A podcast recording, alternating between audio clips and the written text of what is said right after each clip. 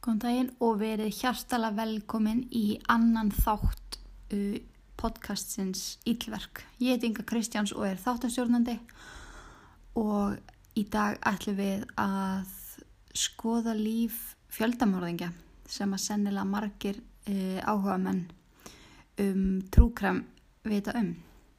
En við langaði að byrja á að þakka ykkur frábærar undirtæktir Uh, ég hef búin að fá alls konar komment um þáttu minn um John Benet Ramsey. Alls konar skemmtilegar uh, svona skemmtilega vinkla á söguna og, og hérna skoðanir annara sem er náttúrulega geggjað.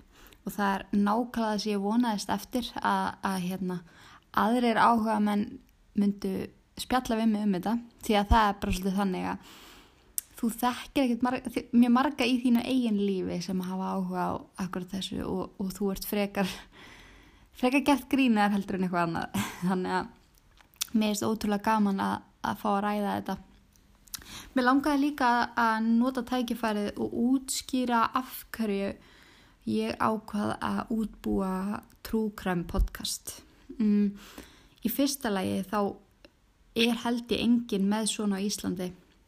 Uh, ég byrjaði á að fá að koma aðeins með svona glæpa hotn í hinu podcastinu mínu sem heitir Frængunar sem með sem ég á með henni ástísikuðinni en mér fannst einhvern veginn svo skrítið að blanda saman til dæmis bara uh, spjalli um daginn og veginn og svo glæpamálum. Þannig að ég ákvaði að kippa þessum lið út úr hérna podcastættinu sem við áttum saman og búa freka til einn sér fyrir þetta. Um að því að það er bara þannig að fólk fílar uh, svona hvað ég að segja?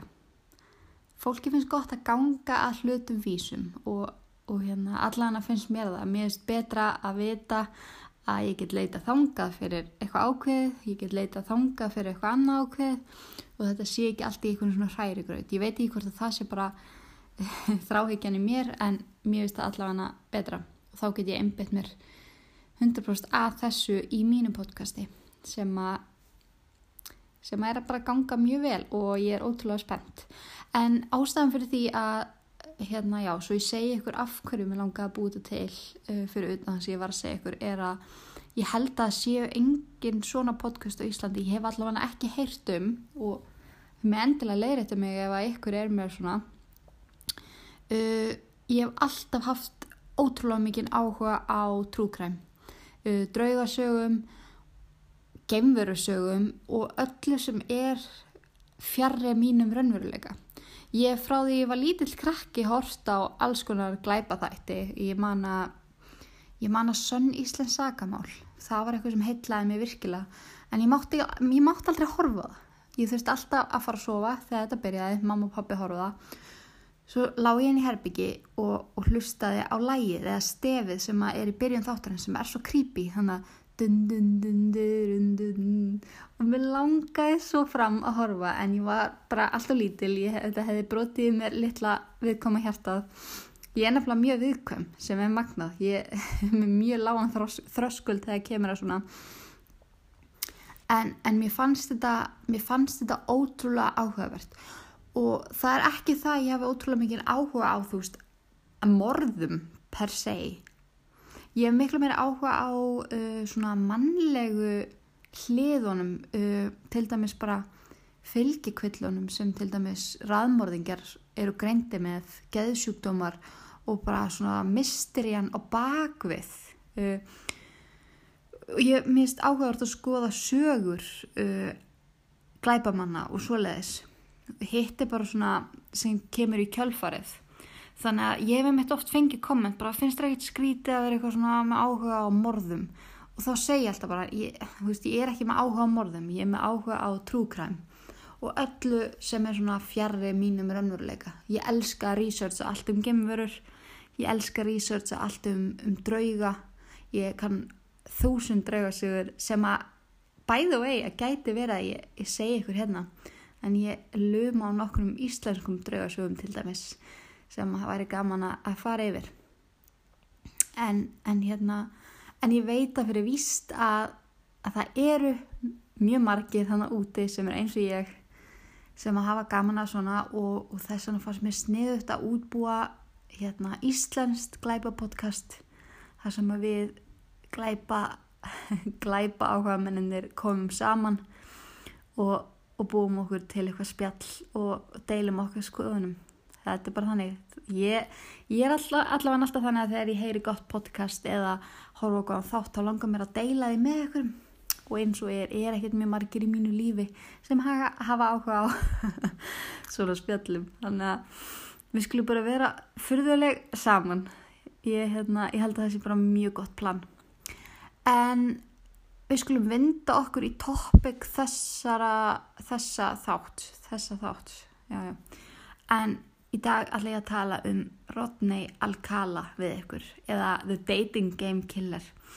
En ég er svolítið að ég er með mjög langan lista yfir uh, glæpi sem að mér langar að, að tala um við ykkur. Og ég er í rauninu bara að fara randómli í gegnum hann og, og velja. Þannig að, þannig að þetta er ekkit eitthvað ég verða, ég veist, John Benet málið er klálega uppáhaldmálið mitt af því að það er svo ótrúlega fucked up. En, en þessi þessi gaur er mjög alvegmdur það vita allir sem hafa áhuga á trúkræm hvernig þetta er. Hann er útrúlega, hann er svipað sögu eða hann er svipað karakter og Ted Bundy eins og ég mun koma hérna inn og eftir. En hann er alveg ítla, ítla uff, þessi maður er mjög skemmtur. Og það sem hann gerir er hróttalegt þannig að við skulum fara aðeins yfir líf og og hérna bara hvernig Rodney Alcala fór í gegnum lífið. Sá ógeðslegi maður. En allavega vindum okkur í þetta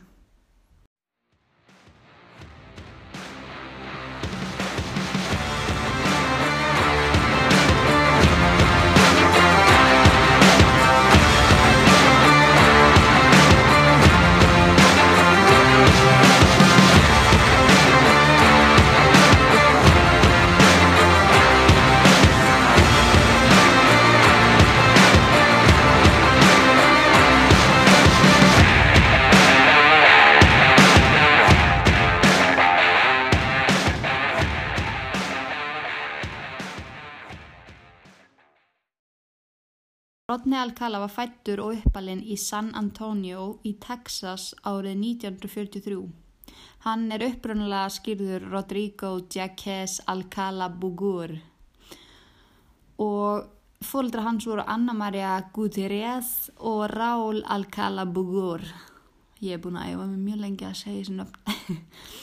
en árið 1951 þegar Rodney var áttara flutti fjölskytta hans ásand honum til Mexiko því að þar uh, voru fleiri vinnutækifæri fyrir pappan sem var mjög hardworking maður og þurfti náttúrulega að vinna fyrir fjölskyldunum sinni. Þrejum árum setna yfirgaf faður þessu fjölskylduna. Hann bara bókstilega lappa á þetta daginn og kom aldrei aftur og skildi móður uh, og konuna sína eftir með hérna Rodney og þrjú önnu börn en hann átti bæði bróður og systur móður hann sá í rauninni ekkert annað í stöðinni heldur hann að flytja með hann og sískinni hans í fátækra hverfi í Los Angeles þegar hann var 11 ára gammal. Smá note, þegar ég hugsa um LA þá er ég bara ekki að vá, þetta er bara svona stjörnustadur, það er bara allt flotta fólki að heima hana en sæl hvað er búið að gerast ógeðslega mikið fótt á plötum í LA. Þetta er ángríns, bara að segja, meðan þetta er svo magna en æskar hans var basically frekar erfið, hann uppliði ótrúlega miklu fátækt og höfnun frá föðu sínum og hann hafði alltaf litið ótrúlega upp til pappasins, hann alltaf heitir í höfuð á honum og ég veit ekki, eins og litli strafka að gera. Og þegar að faðið er að fer bara án þess að útskýra neitt þá, veist, það er úslega mikil höfnun. En hann ákvað mjög fljóðlega að hann myndi halda áfram einn á leið þegar hann væri orðið nógu gammal. Hann vildi ekki treysta á þessu fjölskyldu og ætlaði að spjara sig á eigin spýtur. Rodney átti risastóru drauma. Árið 1960 þegar Rodney var 17 ára gammal gekk hann til liðs við bandaríska herin og vann þar við ímustörf þá aðala pappisvinnu og þref. Hann var þar í um fjögur ár og fjörða ári uppliði hann tauga áfall, eða hann fekk tauga áfall, maður segi það ekki frekar, að sög salfræðinga og hann stakk af úr hernum. Hann húkaði sér far uh, til móðu sinnar aftur þótt hann hafi verið búin að ákveða að hann ætlaði ekki þanga aftur. Og í langan tíma vissi enginn hvað hann var. Um, það bara fatta enginn enginn hvert hann fór. En sálfræðingur hersins greindi hann með narciss, narcissistic, personal disorder, narcissistic personal disorder og borderline personality disorder. En það voru greiningar sem hann fekk á þessum tíma og, og hérna, hún var svo bara að vísa á storfi og þannig að hjálpa ekki að hann hafi stungið af og ekki látið neitt, neitt vita. En þarna sjáu þið að hann er greindur með þessa geðveilur uh, geðsjúkdóma sem að munu alveg klálega hafa áhrif á ákvarðanir sem að hann mun taka í lífinu en maður heyrir nefnilega ekkit oft í svona málum að þeir séu greindir með eitthvað skonar sjúkdóma. En það er nefnilega máli að þessi, þessi maður hann var drullu gáðar hann, hann sótti í svona official staði veist, eins og herinn í skóla. Veist, hann var innan um hérna, fagfólk. En ég held að þetta sé ekkert með algengt að, að fólk sé greint með eitthvað geðsjöktum þannig að spáið í því að það hefði verið gripið inn í þarna.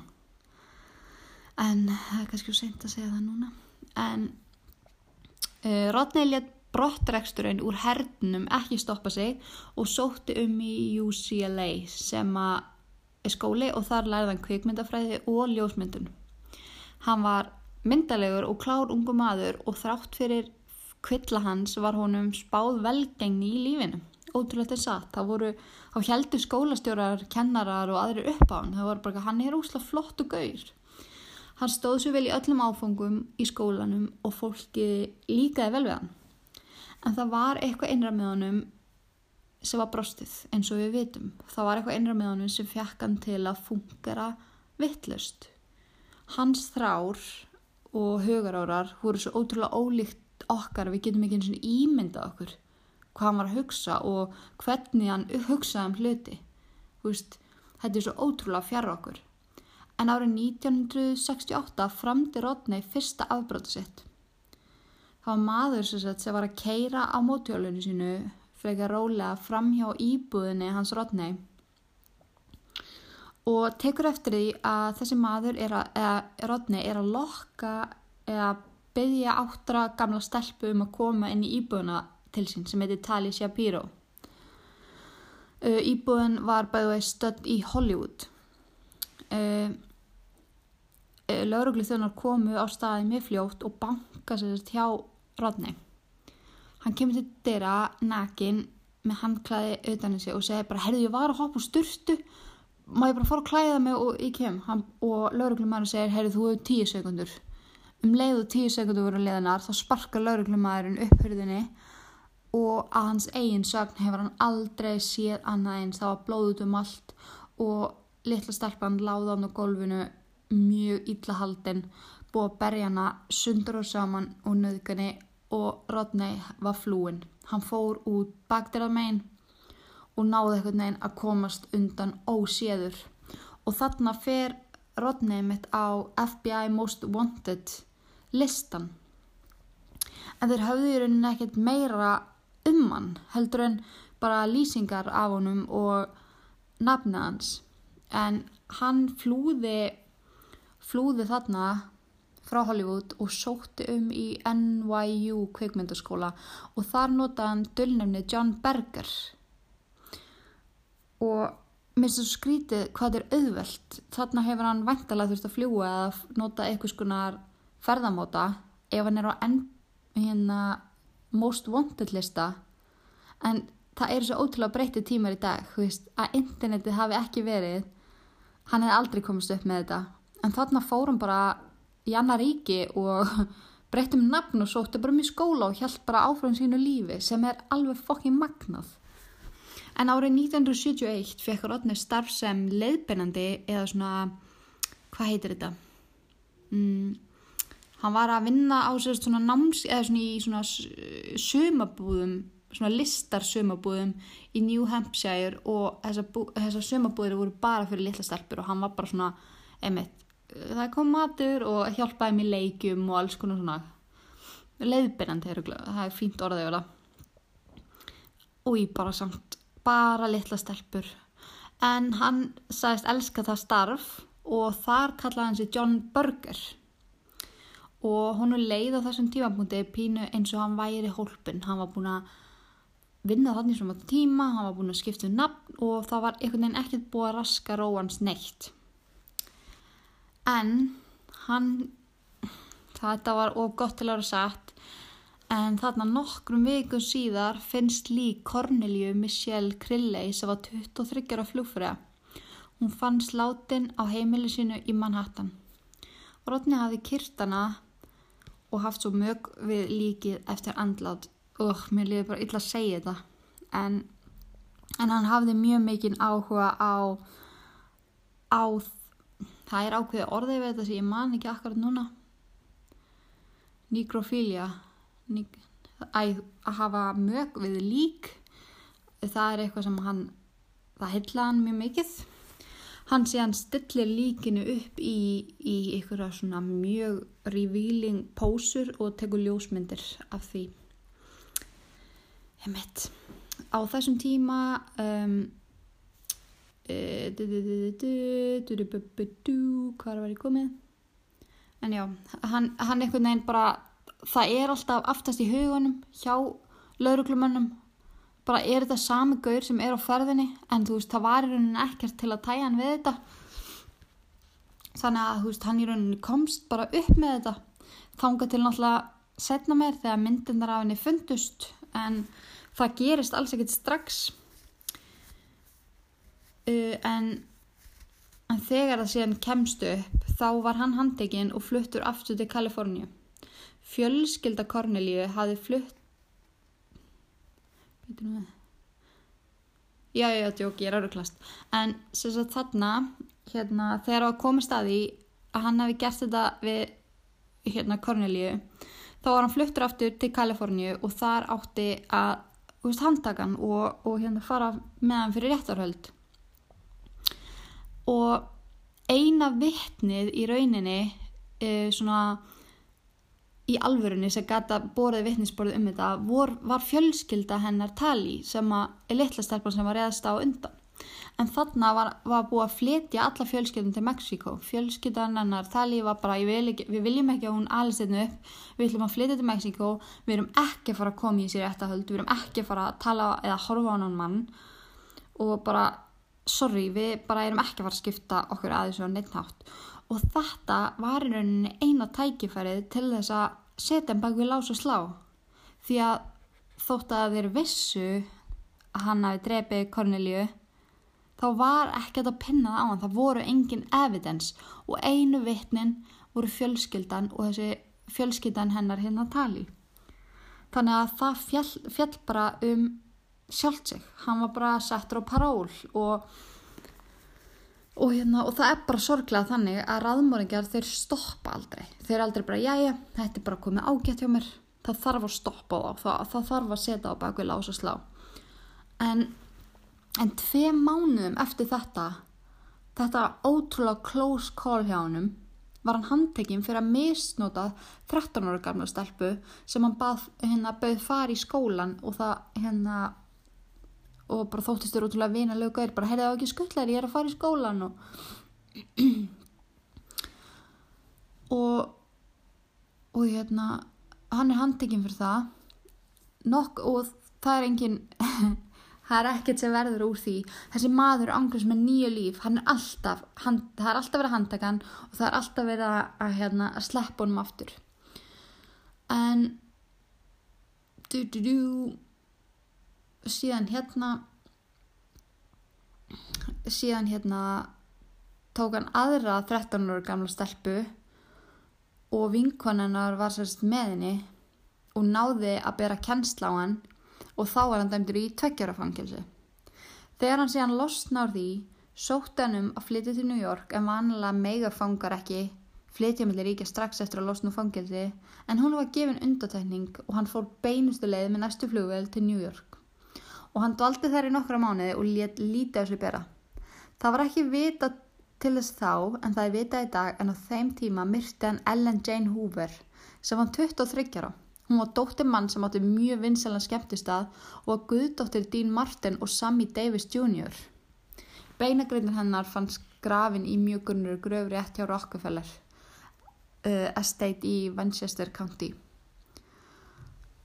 Og á þessum tíma komst hann upp með þennan glæp, glæp eins og svo ótrúlega marga. Það var í rauninu bara einn glæpur af 13 sem hann hafi framið þarna sem hefði verið hægt að pinna hann á. En það fjallum sjálft sig að því þau vildi ekki bara vitni. En En hérna árið 1978 sótti Rodney svo um hjá Los Angeles Times sem aðstöðar réttstjóri og, og ljósmyndara. Hann fórsist á svona ívent, tók myndir og skrifaði stutta svona pisla og svoleiðis. Og, og hann var, það sem er svo ógeðslega creepy er að hann var tekin í viðtal á meðan hann var í þeirri vinnu uh, út af The Hillside Strangler. En það hann var á sama tíma að myrða fólk þegar við potið heistum hann. Og á, í smá tíma var haldið að hann væri the hillside stranger. En, og þetta var svo ótrúlega creepy að það var verið að gera svona könnun og herrferð um þennan morðingja og kynferðis aðbrótamann og hann svaraði öllum spurningum samvisku samlega og kallaði menn sem gangaði múnu auka konum ógeð og þetta var bara svo mikið hræstni að ég trúi þessu ekki sko En á milli þess sem hann var við reittstjórnuna gekk hann um, um í vestlaramöðstöðum og sannferði ungar konur og mennum að hann væri mjög reyndur ljósmyndari. Hann væri að fara meira út í tískuljósmyndir og hann þyrti fleiri þannig myndir í ljósmyndaferilskrana sína. Einstaklingur sem að vann með Rodney hjá Los Angeles Times sagði frá því setna meir að hann hefði gortað sig að myndunum sem hann hefði verið að sína og verið að sína allir myndunar í myndalins vinnufélagarnir hérna já og ég hef svo grípi þau, hú veist, og myndirnar sem að hann var að sína þeim, þetta voru sannlega myndir af fólki bara á síðustu augnablikum lífsins. Því að hann slefti ekkert alltaf fólkinu, veist, ef hann var í vestlunarmiðstöðum og eitthvað svo leiðist tók hann alveg myndir og lappaði svo í burtu en hann gerði það líka að lokka fólk í húsinsundi eða nýra strönd eða eitthvað afsýðis og, og taka síðan myndir og drepa það svo og þess vegna að taka myndiræði líka eftir að það er látið og stilla því upp í alls konar pósur og þetta er svo ógeðsla fríki en, en hérna ef að þið googlið Rodney Alcala photographs þá er alveg fullt, fullt, fullt, fullt af myndum sem hann er búin að taka bæða strákum og stelpum uh, í alls konar tælandi og skrítnu umköri þannig að þetta er alveg klálega eitthvað sem hann vann með og og eftir að hann var tekinn fastur og þá var þú veist tekið allt út eða myndavælandur hans þá fundu sko hundruð þúsunda ljósmynda af alls konar fólki og ótrúlega mörgum sem hafði ekki fundist í langan tíma og voru svona missing pers person cases. Þannig að það er ótrúlega ótrúlega skrítið. En einna vinnufélögum um, Rodney saði viðtali kvót, mér fannst hann svo skrítin en ég var svo ung og ég fattaði ekki neitt. Þegar ég spurði hann af hverju hann var að taka þessar myndir sagði hann að mömmur hérna stelpunar og strákana hefði beðan um það. Það voru líka fullt af nektamyndum hann sagði að nekt voru fallegu hlutur og það væri ekkert kynferðislegt við það bara indum fegurð. Vinnufélagin var alveg frekar krýpt átt en spáði ekkert meiri í þessum förðufugli það er vita í dag að margir af einstaklingunum sem hann tók myndir af uh, og pósuðu fyrir hann af hræðslu eftir að var búin að misnúta þau. 15 ára gamla Monique Hoyt var það, var það, er alveg magna hvað sé, já, 15 ára gamla Monique. Ég hef búin að ákvæða sérst að, að hérna klippa aldrei þættina mína. Ég ætla bara að tala streyt því að fyrsti þátturum minn var kliftur og hann lúkar eins og ég sé velmenni þannig að ég ætla bara, ég er náttúrulega mökk lesblind sko, ég er með lesblindu alveg háast í og málhelt og eitthvað, við skulum bara embrace it. Gera bara besta. En að ég veit bara að því að ef ég, ef ég hérna stama og, og gleimi hvað ég er þá, þá glemdi ég líka að setja með gleru þannig við þurfum bara að elska okkur eins og við erum krakkar. En já, hérna segi ég það er magna hvað þessi maður komst upp með það var alltaf í góðan vinnum, hann leiti vel út engum grunaði veist, að þetta væri glæbamör og veist, hann hafi sloppið tvisur og fangelsi þarna og hann var búin að myrða mjög mikið af fólki. Og síðan verður sagan fyrðulegri eftir þetta því að þetta þetta er það sem gerir þessu sögu mjög, mjög eftir, eftir uh, fyrir mig allavega. En árið 1978 tók Rodney þátt í stefnumóta þættunum The Dating Game sem minni mjög mikið á djúblöginna sem var hérna á skjánu, skjá einum í den. Sé eitthvað það var kjánulegu þáttu bæði.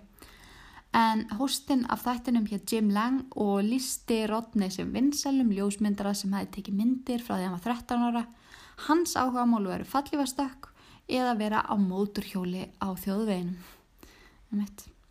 En það var Gaur sem var líka að keppa aðna með honum á móti Rodney og lísti honum síðan með sem mjög undarlegum náunga með ótrúlega undarlega skoðanir.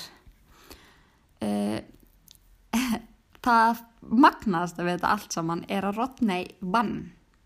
Gellan valdi hann og Hérna, en þegar hinn færa Cheryl Bradshaw sem valdan fekk svo að sjá draumaprinsin sem hún held að væri draumaprins þá hætti hún við allt hún var bara nei, hérna veit það ekki, eða, nei, ég er góð. Og í viðtælið setna meir þá segir hún að hún hefði fengið svo ótrúlega creepy væpa á honum að hún hefði bara ekki treyst sér að fara á deit með honum sem var mjög skarplega aðtóða hjá henni. En ég ætla núna að spila klippuna frá því að hann er í dating game því að þetta er ó, þetta er svo fókt upp þið verður líka núna að þið verður að fara á YouTube og, og googla The Dating Game Killer og sjá þetta því að hann, þarna er hann á sko hápunkti morðferilsins. Hann er bara að drepa mannisku dag eftir dag eftir dag. Hann tók sér bara annars smá pásu einn eftir miðdægin og tók þátt í þessum leik og vannan og þetta er allt svo ógeðslega skrítið að ég kemst ekki yfir það. En hlustum á þennan mjög undarlega atbyrð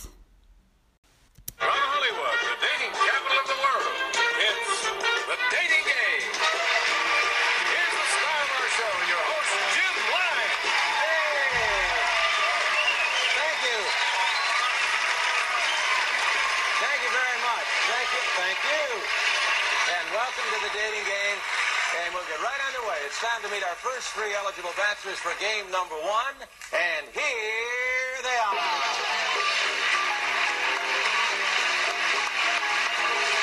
Good luck, gentlemen. Well, let's see. Bachelor number one is a successful photographer who got his start when his father found him in the dark room at the age of 13, fully developed.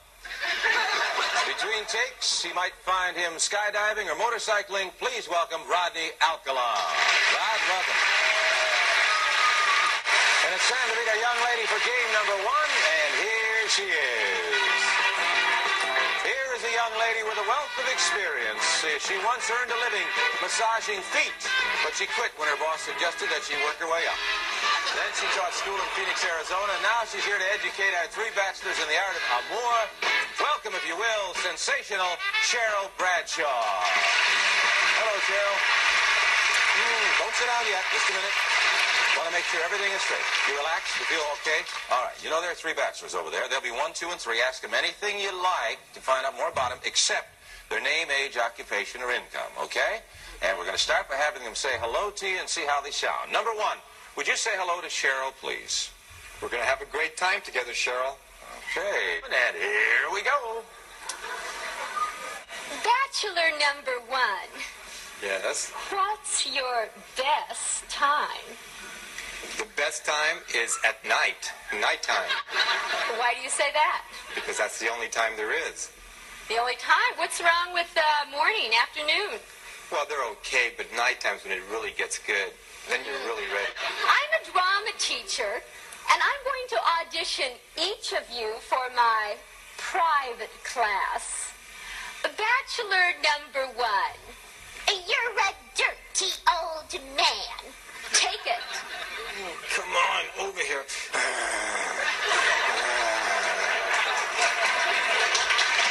oh, honey, we to go out and boogie. A bachelor number one for dinner.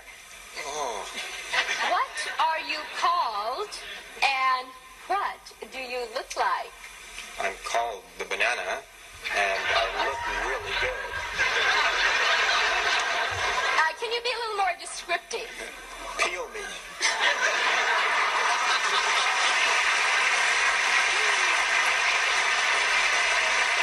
Later, that's your one. Later. Welcome back to the dating game, and Cheryl, we have reached the moment of truth, as we call it. You heard from the bachelors. You got some great dramatic presentations, some good answers, but now I'm going to ask you a question. Will that date be bachelor number one, bachelor number two, or bachelor number three? Who gets the date? well, I like bananas, so I'll take one. Number one, bachelor number one. All right. Well, there they go. However, you did leave one remaining. And this is your date, and I want to tell you something about him, Cheryl. He's a skydiver, so he's got a lot of nerve. He's into motorcycling. He's also a fine photographer. Say hello to Rodney Alcala. Rodney, come on and say hello. Congratulations, Rod. You did it with the one answer. Well, as far as I can see, Cheryl and Rodney, it looks like the two of you may be involved in some sort of racket. So we're going to have you taped to the court. Oh, first, you'll receive tennis lessons from expert Naomi Besa of the famous Kirkwood Tennis Club. That starts. You'll soon be acing everyone off the courts. And to make sure you both look as professional as you'll become, complete tennis outfits will be provided by Bill Darling's Tennis Shop. It'll really make you look like part of the racket set. Then it's off to Magic Mountain, one of America's greatest and most complete amusement parks with plenty of excitement to challenge any daring dater, like the Revolution that'll help you turn the town upside down, and of course the world's greatest roller coaster, the Colossus. Magic Mountain, just a half an hour north of Hollywood, California. So have fun playing tennis. Thank you, Rodney. Thank you. Okay. You can go relax, meet each other, say hello, get acquainted, and they'll be back. And before we begin our next game, let's find out what runners-up will receive today from Johnny Jake. Og já, þið takki eftir að hann var sérst bachelor nummer eitt og svona þegar þið hlustið vel á þetta er mjög margt ótrúlega skrítið sem hann segir þannig inn á og þetta er svo ógeðfælt að horfa á þetta og það finnaði líka að fólk var bara í kasti yfir öllu sem hann sagði. Það að hlóa allir á hannum og, og hún valdi hann sem er alveg magnað. En eins og ég sagði ykkur á hann þá hérna þá bakkaði hún út úr því þegar hún var búin að ræða betur við hann og sagðist að hafa fengið allt úr skrítinu væp frá honum sem var sennilega besta ákvörðun sem Cheryl Bradshaw hefur tekið. Það var áhugavert að vita hvort það veri viðtal við hann á netinu upp á hvort þá myndi vilja tala um þessa lífsænislu því að hún hlýtur að vera mjög feina að hafa beila á þessu deiti. En eftir þetta fer Rodney í svona mm, hann fer í algjöra manni hann bara hann, hann hatar konur hann fekk þannig að feitustu höfnun sem hann hefði nokkuð tíman upplegað hún fannst hún dýbri heldur en þegar pappi hans yfirgaf hann og, og hann fekk já bara algjörðan svona konu hatur og mjög stuttu tímabili nöðgað hann og myrti allan að þrem konum sem vita er um. Og en hérna það er líka sagt að fræðimennum að raðmörðingar kunni ekki að taka höfnum. Þeir geta ekki verið bara já ok, veist, þetta var ekki ment að býja okkur eða allt í góðu hún bara gera það sem hún þarf að gera. En það sem að þeir hugsa með þeirra geðraskanir er að þeir hugsa hvað er að þessari konu? Hún leka á mig, þá þarf að refs henni. Hún var að playa hard to get og þeir fara að líta á þetta sem einhvers konar leik og eins og konan emitt þurfi að það þurfi að láta refsinni hún hefði færið ógislega illa með hann. En þarna líður smá tími og hann er þarna bara á okkur killing spree nokkrum dögum eftir hennan dating game en 20. júni árið 1979 satt Rodney um hennar 12 ára gömlu Robin Samo á leið hennar í ballettíma og þetta er svo erfitt sko en 12 dögum síðar fannst lík hennar mjög illa farið á ströndinni rétt hjá húsinu þar sem ballettímanni voru haldnir. En setna kom í ljós að hann hefði lokkað hann nýra á strönd til að taka myndir af henni eins og hann notaði mjög oft þessa taktík. En, og hann alltaf sagði alla bara já ég er frægur ljósmyndri, ég er bara að lappa um og taka myndir af því sem mér hefist áhugavert.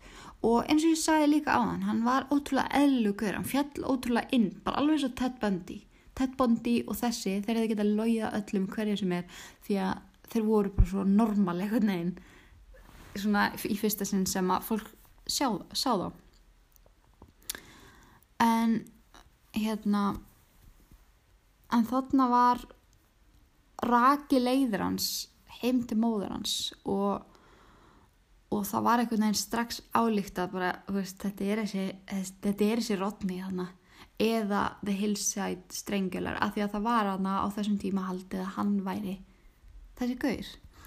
Þannig að veist, þetta var útrúlega erfið tíma og það var svo lítið að sönnunagögn og svo lítið að DNA og engar, engar svona upplýsingar eins og við höfum í dag veist, allt er svo miklu einfaldara en já, hann var rakin heim til mömmu sinnar þar sem hann var búin að hérna, halda sig svona inn á milli og það var rakið hérna, neðu það var fundið sérst lekil af gemsluplási uh, sem hann var að leia og þar fundust eirnalaka rápin og og fullt af öðru mjög fucking creepy dóti sem hann var að geima hann hérna var einn af þeim sem að geimti alls konar muni af uh, fornalömbunum sínum sem svona trophies eða svona minningar um hvað hann hafi gert, ég veit ekki hvað er málum með þá fættis en, en það er mjög margir glæbamenn og morðingjar sem vinna með einmitt þetta. En Rodney var svo handtekið 1979 og réttarhaldin fóru fram rétt eftir áramótin 1979 1980 og þar var hann dæmdur til dauða fyrir morðið á Robin. En um, morðið á hennar það var, það, var tekið, það var tekið mjög mjög sárt og auðvitað fjölskyldan hennar og bara allir bærin var bara lamaður eftir þetta, það var bara ung stelpa í blómalífsins, það er ekki gert einum eða neinum neitt og hún var bara revin þarna undan, þú veist, það var bara revið hann út úr lífinu sínu og þeir voru vissur um að hann hefði gerst þetta og, hann, og það var sannast með þarna var DNA algjörlega á byrjunarreit og það var sérst fundið sæðisfrumur um, úr honum á henni Robin. Og þarna hérna var hann einmitt dæmtið til dauða. Um, en eins og ég sagðan þessi maður uh, er með nýju líf þegar kemur að dómum og að fara í fangelsi en döðdómurinn var dreyin tilbaka stuttu setna því kviðdómur hafði ekki fengið rétt, fengi réttar upplýsingar um glæpina sem að framti áður en framti þennan.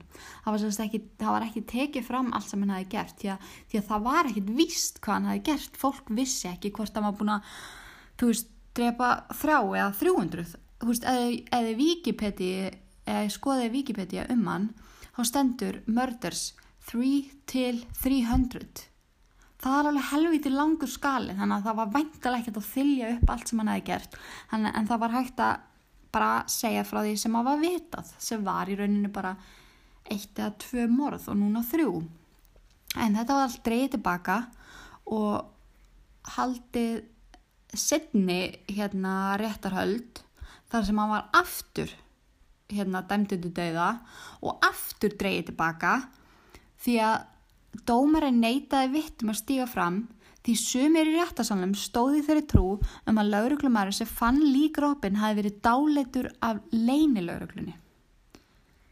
Uh, ok, þannig að þú veist þarna búið að dæma þrísvarsinum til dauða og draga það tilbaka út af eitthvað svona fárálegu sem að varurinn ekki þetta það var ekki hægt að gera neitt í þessu og ég var að reyna að googla þetta en ég skil ekki hvernig hérna uh, kviðdómarinn kom held það að hann hefði verið dálitur eitthvað leynilörglumanni þetta er ótrúlega undilegt en spáið í rússibananum ég er ekki að réttlega þetta á neitt nátt hvernig típa hann var og, hva, og hversu mikið ógeðslega skrimsla hann var en spáði að vera dæmdur þrísvar til dauða og það sé alltaf dreyið tilbaka alltaf maður sé orðið ansi kvektur eftir það en en það var svo farið beint í það að regga upp nýjum sangjötnum réttarhöldum fyrir blessaðan Rodney sem átti það svo mikið skilið um nótt.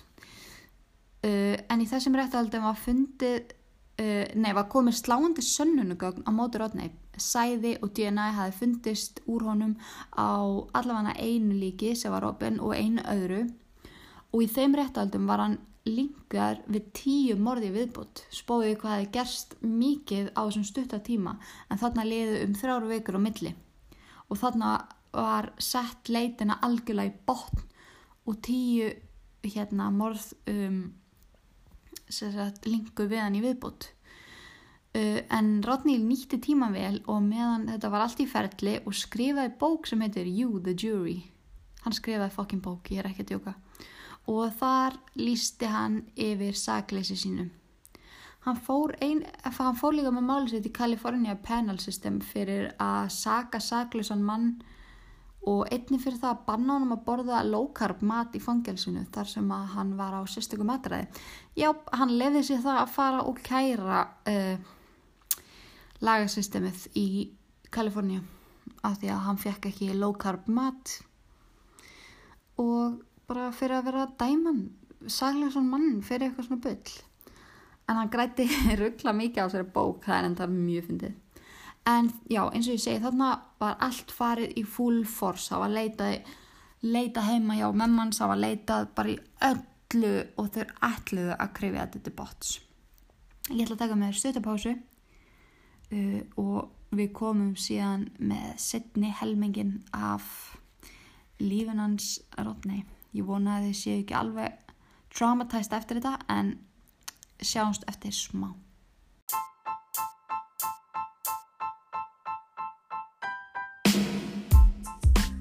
Sponsor þáttarins þessa vikuna er leanbody.is uh, Leanbody selur hágæða fæðubótavörur og hef ég langan tíma unnið með þeim. Ég hef núna verið uh, að notast við vöru frá þeim í hátt í ár og hefur þetta fyrirtæki hjálpa mér ótrúlega mikið að hröðum og mjög varanlegum árangri. En ég er búin að missa núna um 20 kíló frá því fyrra og mér hefur aldrei liðið betur. Uh, ég fekk í samstarfi við leanbody.is að setja saman pakka inn á, inn á síðunni sem heitir eftir mér pakkin hennar Ingo Kristjáns þar sem að þið fáið þrjár uppáhaldsvörðuna mínar á mjög góðum díl. En í staðin fyrir að borga 15.856 krónur borgið er bara 12.380 Ég sé hann með afsláttakóða sem gefur ykkur 15% afslátt af öllu inn á leanbody.is en afsláttakóðun er einungis, uh, einungis Inga Kristjáns. Ég endur tek Inga Kristjáns fyrir 15% afslátt af öllu inn á leanbody.is En svo ég segi ykkur aðeins hvað er, ég, er í yngupakkanum mínum og hvað eru mínar uppbólsvörur þá eru það BS, BCA aminosýrur sem stuðlaða stærri og sterkari vöðvum en mitt uppbólsbragð er cherry limonade, það er ótrúlega gott. Ég drekk það á æfingu ískallt með klaka og það er að besta í heimi. Uh, síðan er það hérna fatburnerinn en það er einn vinstalasta vara hjá Leanbody uh, þetta hendar öllum sem vilja auka brennslu við daginn, dragu matalist og sætu þörf og bæta einbindinguna hvort sem viðkomundu stundar æfingar eða ekki. En mér skeggja að byrja daginn á fatburner síðan er það BA Endur BA Endurance sem er beta-alanín 100% og senkar vöðvaþreitu, hamlar mjölkusýrumyndun í vöðvum og eigur verulega afkastagetu á æfingu. Ég persónulega fæ mér BA Endurance og fattbörnirinn 30 myndu fyrir æfingu en ég æfi alltaf klukkan 6 á mótnana. Mér finnst þetta geggjast að prívarkatið uh, Ég bara næ að gera sjúkla mikið æfingu og ég síðan fæ ég mér ískallt BCA á æfingu. Þetta, er bara, þetta eru uppáhaldsvörðuna mér og ég er búin að nota þetta hell lengi og hef mælt með þessu við svo marga sem að elska þetta líka. Þannig að endilega farið inn á leanbody.is, finnið pakkin hennar Ingu Kristjáns og nælið ykkur í mínar uppáhaldsvörður á geggjum díl. Velkomin aftur en uh, við erum komið núna sem stað svolítið að lokum rétt að halda Rodney en í sérst þessum réttahaldum sem voru haldin eftir hérna þessa fjóra döðatóma þannig að þrjá döðatóma þá ákvæðan sérst að vera sinn eigin lögfræðingur sem að maður sér alveg stundum hjá raðmörðingum og eins og til dæmis Ted Bundy hann gerði það sama. Eins og ég er búin að segja margóft þá finnst mér þeir mjög svipaðir á margan átt En já, hann ákvaði hann að vera sin eigin lögfræðingur og í fimm klukkutíma, þetta er svo pínlegt að horfa á þetta, en talvan hans virkaði ekki með öllu sem hann var búinn að setja upp og hann var rosalega lengi að leita öllu myndu og hann bara svona rambla og, og svona mí, mí, mí, mí, mí, tala endalust um eitthvað sem hann skipti ekki máli og hann talaði fokking 5 klukkutíma. Síðan tókaði svona geðveilur inn á milli þar sem hann talaði djúbri rödd og sagði Rodney, du, du, du, spurði spurninga og svaraði svo með annari rödd. Og þetta var svo fárlegt og hann náttúrulega bara reyndi að afsana allt sem hann hefði verið dæmdu fyrir. Hann sagðist að hafa verið að taka myndir þegar þessi var hérna myrt og nöðgað svo hann verið að taka þátt í stefnumóta leiknum þegar þessi var dreipin og hann kom með bara svör við öllu og hann hjælti líka fram að eyrnalokkarnir sem ég sagði eitthvað frá áðan sem hefði fundist í geimslinu væri hans eigins eyrnalokkar og hann hefði verið með þá í þessum tildækna stefnumóta sjóastætti en hafi ekki hérna sérst í þá fyrir hárinu. Einmitt. Eins og þau verður bara já, já, ok, ok, það hlaut að vera. En hann tekur um eitt klukkutíma rand við móður uh, stelpuna sem átt að hafa átt þess að eyrnalokka og bara, þú veist, þá er örugglega allir lungu hættir að hugsa að þetta er mest boring. Bara fimm klukkutíma ræða sem að ég hef nokkuð tíma heilt ég er ekki búin að hlusta á allt en mjög mikið að því. En hann er bara að muldra bókstala en eftir fimmta fundi á kviðdóm var hann fundin segur á allan að fimm morðum og nöðgunum og, og líka það að svolítið magna að fucking töffarinn hún Tali Shapiro stelpun sem að fannst í íbúðin hans í Hollywood mjög illa farin. Hún, hún var hana í, í réttæðlunum og horfði í augun á þessu skrimsli og bara þú ert ekki að fara að fokka upp mínu lífi. Þú maður bara að rotna í helvíti. Og mér finnst það svo flott hjá henni og þú veist þetta settur svo mikið punktin yfir yð og það eina sem mögulega hefði getað hjálpað Rodney á þessum tímapunkti voru allar geðraskanir geðraskaninnar sem hann var með þú veist eins og ég sagði að hann var hann narcissist og með borderline personality og schizophrenia og þú veist hann var alveg virkilega veikur einstaklingur en það hafði í rauninni engin áhuga á að spá í þeim þætti, þú veist, hann var löngu búin að fara út fyrir öll sín mörg, þú veist, sína það og sanna að hann á ekki heima á götum, þú veist, það sem venjast fólk er að lappum og, og hérna þá var bara að tala það að hann hefði full vel vita hvað hann var að gera, þetta hefði ekki komið geðsjúkdómunum við á nettnátt eða jú auðvitað komendaðum við en, en á meðan hann gæti setið í skóla og gert alls konar hluta og hlutan fullvel að geta vitað hvað hann var að gera þegar hann var að drepa þetta fólk og þarna var hann dæmdur í fjörðaskiptið til döða. En árið 2010, þetta er mjög áhugavert, þá var sem sagt, um, sett síða á neti, þarna var náttúrulega komið internet og allt orðið miklu einfaldra, en það var sagt sett ljósmyndasafnið sem að hafi fundist í myndvælinu hans og heima hjá honum og byrta meðal almennings. En það voru þó um 900 myndir sem var ekki að byrta því að það voru of kynferðislegar, en eins og ég sagði ykkur áðan þá áttu það til að láta hérna fórnurlambi sín pósa og oft gastu séð á þeim hvað þau voru hrætt og stundu var hann að pósa líkama þeirra í mjög kynferðislega stellingar eftir að þau voru dáin og það var einfallega ekki að byrta það því að það hefði bara verið einfallega ómikið sjokk fyrir kannski fjölskyldumæðlim að sjá þetta. En á þessum, á mjög stöndum tíma eftir að síðan var sett í loftið var búið kænsla 21 konu sem að hafðu horfið fyrir mörgum árum og enginn vissi hvað varð af þeim og þarna fenguðu svar við því. það var myndaðum í safninu hans Rodney Alcala og það er til dæmis ein kona sem að, þetta, það er ekki langt sem þetta gerist þetta gerist árið 2016 að sagt, það er strákur sem er að horfa á 48 hours uh, heimildaþátt um Rodney Alcala. Og það er verið að byrta svona smá, smá myndir úr þessari síðu sagt, og hann sér þar konu sem hann kannast við. Hann bara ekki, hm, get ekki ég veit ekki hvað hann heitir en, en hérna hann kallar henni með mér sína. Og bara mamma, ef að skoða þessa síðu haldið ekki að hún finni sýstu sína inn á síðunni. Sýstur hennar sem bara kvarf einn daginn og vissi ekki neitt. Og hún hefði aldrei heyrt um hennan Rodney Alcala. Hún hjælt bara eitthvað random gaur hafi myrtana sem var raun sem var raunin. En þannig fann hún mynda henni og komstæði þarna mörgum, mörgum, mörgum mánu síðar að þetta skrimsli myrti sýstur hennar og tók myndir af henni. Sem er alveg Úf, hvað það er auðvitað erfitt. En þið getið skoðað mestmegnið af þessum myndum á netinu. Ég, um, ég mæla ekkert með því að grafa of djúft inn í þetta myndasa því að uh, að ég veit þið munu hvað sem ég gera en marga myndunar eru ansi ógislegar og grófar en, en það er samt eitthvað svo magna við að skoða þær en þarna er alveg fallega myndir af konum uh, það eru nektamyndir af strákum því að hann, hann gerði þetta líka við stráka en á milli og síðan eru aðra myndir af mjög illaförnum líkum sem var búið að binda eða pósa eða eitthvað svoleiðis og það er ekki mjög gott fyrir hjarta að skoða svoleiðis sérstaklega ef að þeir eru ung eða bara fyrir alla.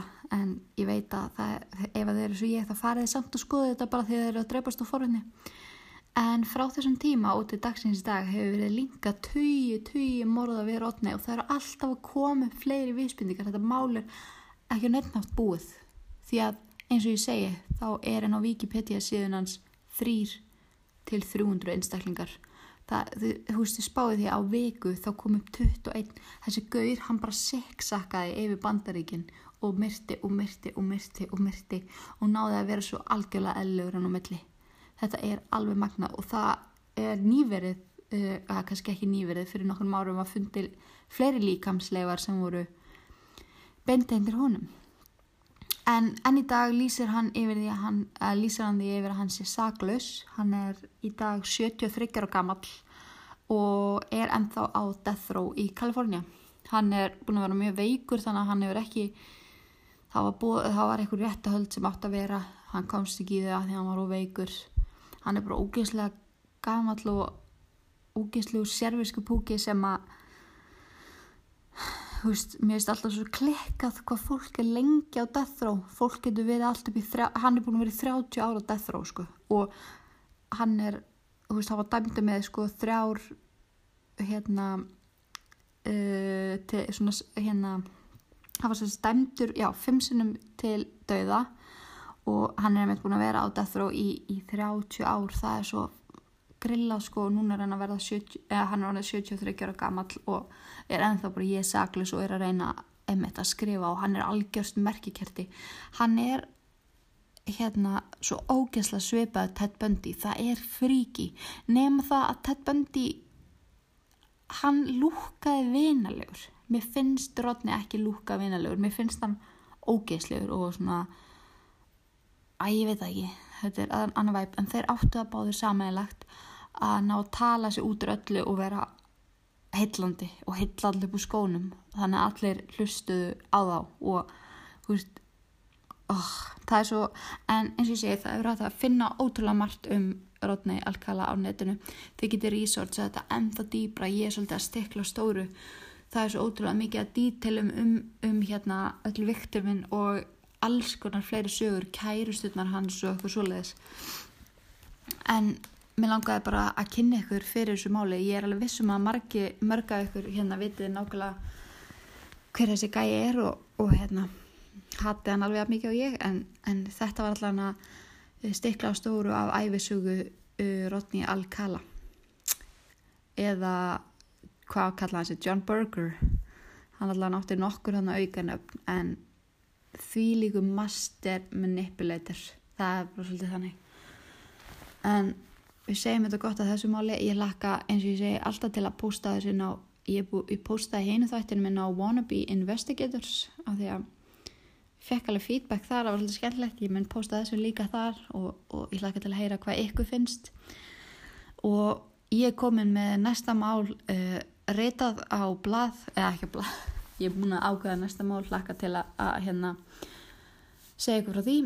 Þessir þættir eru komnir inn á Spotify allavega eins og er. Það er, ég er að byrja til sam, hérna, samþeggi fyrir podcastappið og fleiri hérna, staði til að hlusta á podcast á. Þannig að engar ágjur, þetta er allt svo nýtt, þetta er allt að koma. Kæmst mjög fljótti í rútinu og ég mun að sjálfsögðu láta ykkur vita uh, hvar þetta verður byrt og, og hérna hvað það getur hlustað. Þannig að við segjum þetta gott í dag og í guðanabænum forðust öll ílverk nema náttúrulega þetta podcast. Þá enga til næst. Bye!